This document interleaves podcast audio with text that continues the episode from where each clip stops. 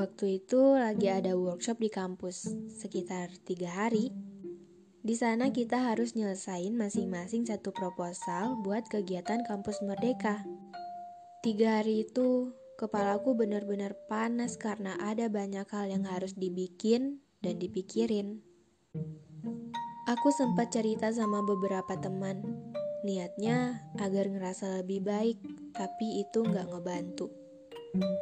Di hari kedua, tiba-tiba seseorang membalas postingan ceritaku di Instagram. Dia mengirim sebuah pesan yang aku nggak peduli isi pesannya apa. Yang penting, pengirimnya dia.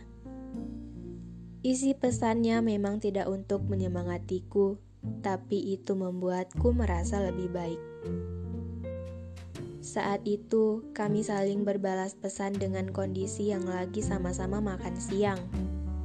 Aku mengiriminya foto makananku, dan dia membalas dengan foto makanannya. Entah itu istimewa atau tidak, tapi buatku, apa pun itu tentangnya akan selalu menjadi sesuatu yang menarik dan istimewa.